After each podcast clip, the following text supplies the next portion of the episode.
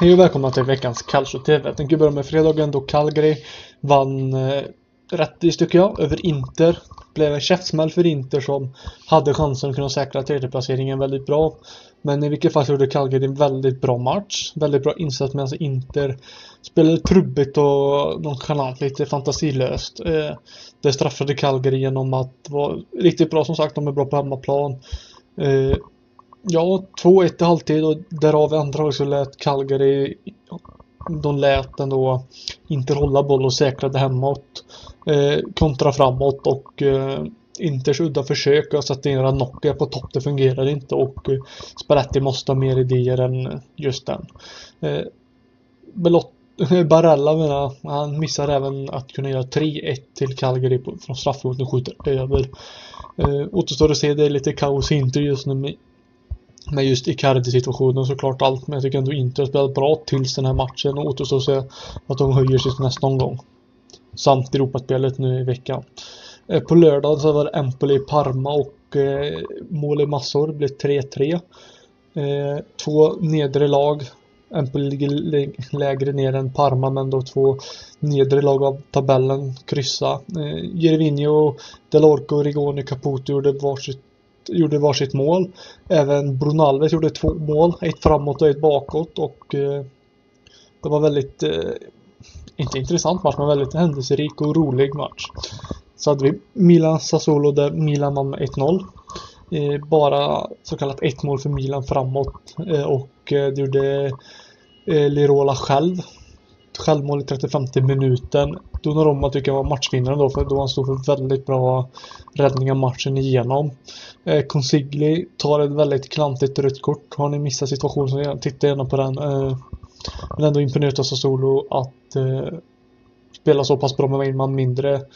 Och eh, alltså spela bra mot Milan ändå. Milan tar den här vinst, vinsten jättebra då de klättrar om Inter i tabellen och tar en tredje placering. Eh, Lazio-Roma 3-0 till det ljusblå laget från Rom. Eh, jag själv tycker inte 3-0 speglar inte matchen i sig men den då rättvist Lazio-seger och Roma såg ut att glömt av matchen helt och hållet och försovit sig till den. Eh, Klante försvarsspel ledde 1-0 till Lazio. Tycker ändå Olsen kanske borde kunna tagit den också men då tycker jag Fazio och Juan Jesus de duger inte på den här nivån. Eh, efter 12-13 minuter skedde detta. Eh, därav tycker jag att matchen är ganska jämn. Roma hade en chans en chans, halvchans till 1-1. Men eh, typiskt Fazio sätt så gör han klantigt eh, försök till att bryta bollen på ett väldigt farligt sätt och det blir straff till Lazio. Rätt straff. Många, sa, många var inne på att det där var inte alls straff men jag tycker att det är solklar straff. Konstigt så fick Fazio bara gult kort och inte rött ändå. Men i vilket fall så ger Immobile 2-0. Eh, och eh, ja, då sätts Roma på ännu mer press att de måste framåt. De försöker forcera men lyckas inte riktigt och Cataldi får en chans i 89 och 88 där och trycker in eh, 3-0. Eh, jag tyckte Korea Jorge Korea var väldigt, väldigt bra för Lazio den här matchen. I Roma var knappast någon bra. Eh, tycker dock att det var väldigt billigt rött kort på Kolarov i slutet då ändå Immobile filmar till sig en eh, situation från ingenstans. Och eh, jag tycker det är väldigt, eh, väldigt klantigt av domaren att gå på, gå på den fast han står så nära och inte kanske använder VAR bland annat men eh, så är fallet. Under söndagen så var det Torino-Kevo som lunchmatch där det blev mål till slut. Jag trodde på mål innan och det dröjde ändå till andra halv, i slutet av andra halvlek då Torino gör 1-0, 2-0 och 3-0. Väldigt långt in i matchen. Eh, Kiev var inte dåliga men de gick ganska mycket på kontring bland annat. Eh, Turin, Turin har fått igång sin offensiv och Kevo kunde inte stå emot. Och eh, Kevo har inte truppen eller tränat för att kunna leverera i Serie A den här säsongen och kommer därmed åka ut i Serie B. Kanske en omstart helt enkelt. Eh, Gena Frosinone där jag tycker Genoa ja, inte klantigt, men väldigt dåligt utav dem. Vad ska man säga? Ja, de lyckas inte göra mål mot Frosinone som inte läcker i mål med mycket mål, men ändå en man mer. Fick ju rött kort tidigt. Eh, missade den matchen och då tittat i efterhand på höjdpunkter och sånt och Genoa ska ju kunna vinna i alla fall med 1-0 den här matchen men chansen uteblev och eh, Genoa tappade väldigt fint läge att kunna ta tre poäng istället för ett. Eh, Spal Sampdoria. Där Sampdoria ändå var favoriter inför mötet, oddsmässigt bland annat och så. Eh, jag tyckte det var ändå lite svårt att Sampdoria måste komma igång igen och det verkar som att man gjort de här två senaste matcherna. Eh, ja, vikt, två viktiga mål från Quagliarella i första halvlek och sen ett underskatt, underskattad Kurtic gör 1-2. Eh, Sampdoria var värda vinsten i slutändan. Eh, viktiga poäng för Sampdoria som klättrar upp till nionde placering med bara fyra poäng upp till Europaplats. Spal däremot ligger ändå på 23 poäng. Eh, fem, poäng före Bologna i botten och ändå en poäng till Empoli. Eh, Spal har två svåra matcher som kommer nu. Sen de kommer att ha tre lättare matcher på rad så orkar de hålla moralen uppe de här två svårare matcherna. Jag hoppas på bra resultat så kan de försöka flyta på den vågen så att säga. Ja, kunna hålla sig kvar, säkra seriekontraktet. kontraktet. Udinese Bologna där Udinese vann med 2-1. Eh, väldigt fin match. Läcker match för Udinese. Bologna dominerade första halvlek. Men det var, stod bara 1-1. Eh, Udinese gjorde ett ja, rättvist mål men därefter var Bologna hela första halvlek. Eh, Bologna som sagt var riktigt vassa framåt i första halvlek men Eh, de kunde inte göra mer än ett mål tyvärr och eh, i andra halvlek så vek Bologna ner sig totalt och Udinese dominerade lika mycket som Bologna gjorde i första halvlek.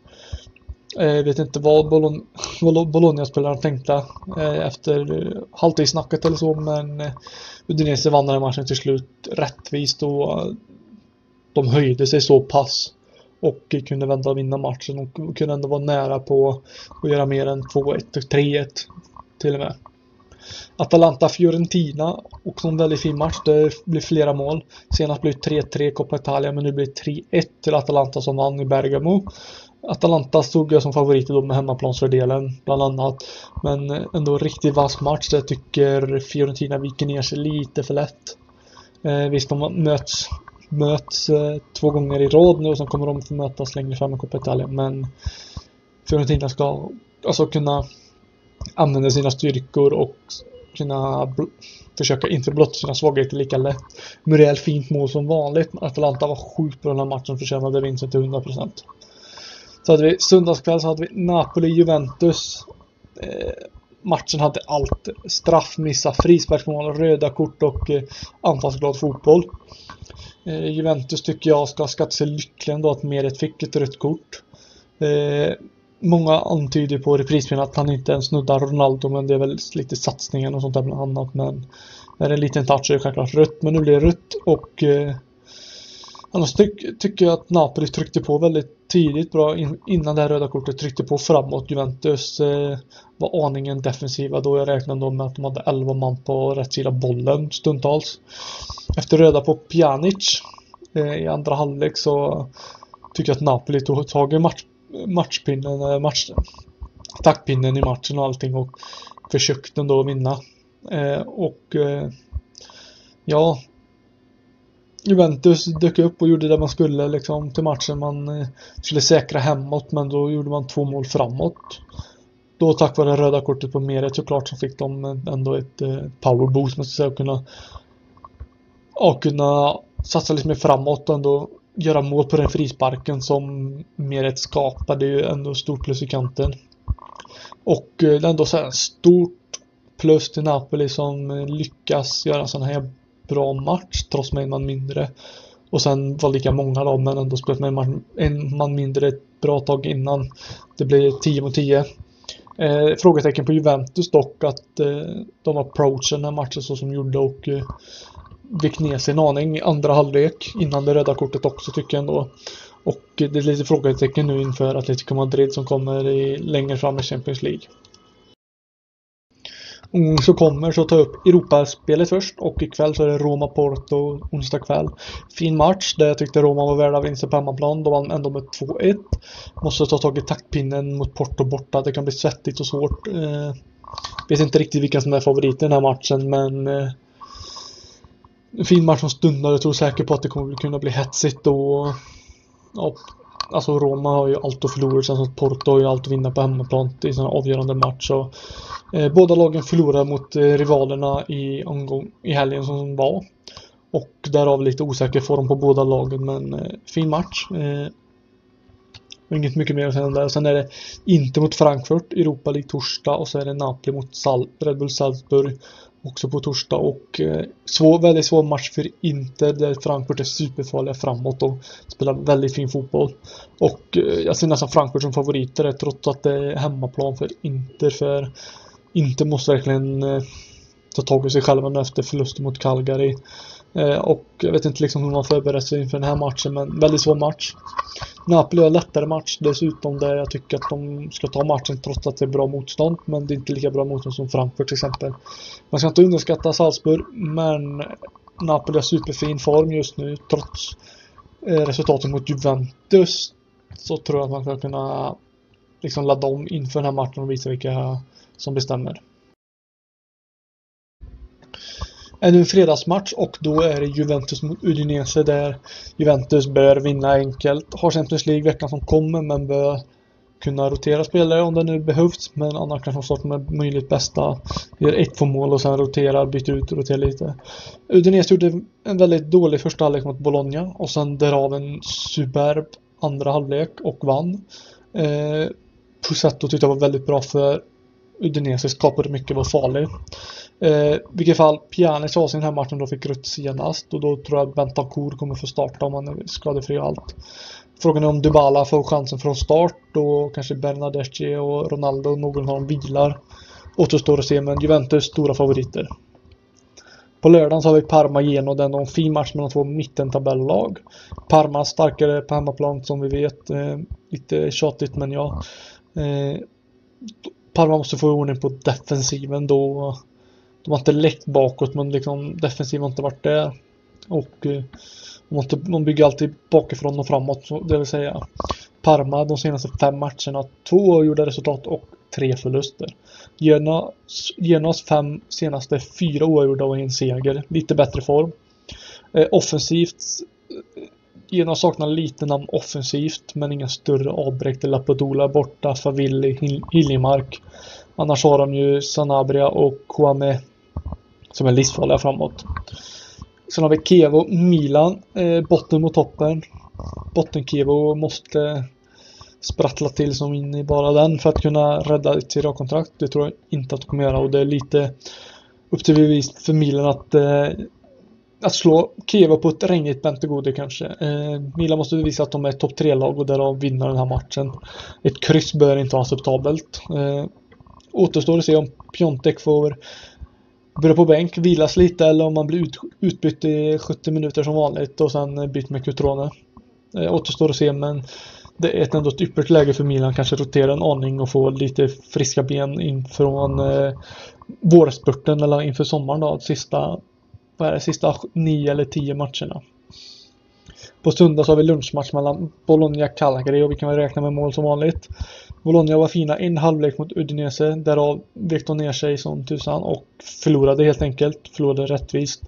Nu på hemmaplan får man verkligen inte göra samma misstag då man då publiken med sig och allting. Man ska inte man ska inte kunna vika ner sig igen och jag tror de kommer Majlovic kommer nog ta tag i den och snacka upp laget om det men Calgary på hemmaplan. Eh, Calgary spelar inte på Sardinien den här omgången. De spelar Bologna som sagt och eh, det tror jag kommer vara en fördel för Bologna då Calgary inte är lika bra på bortaplan som hemmaplan.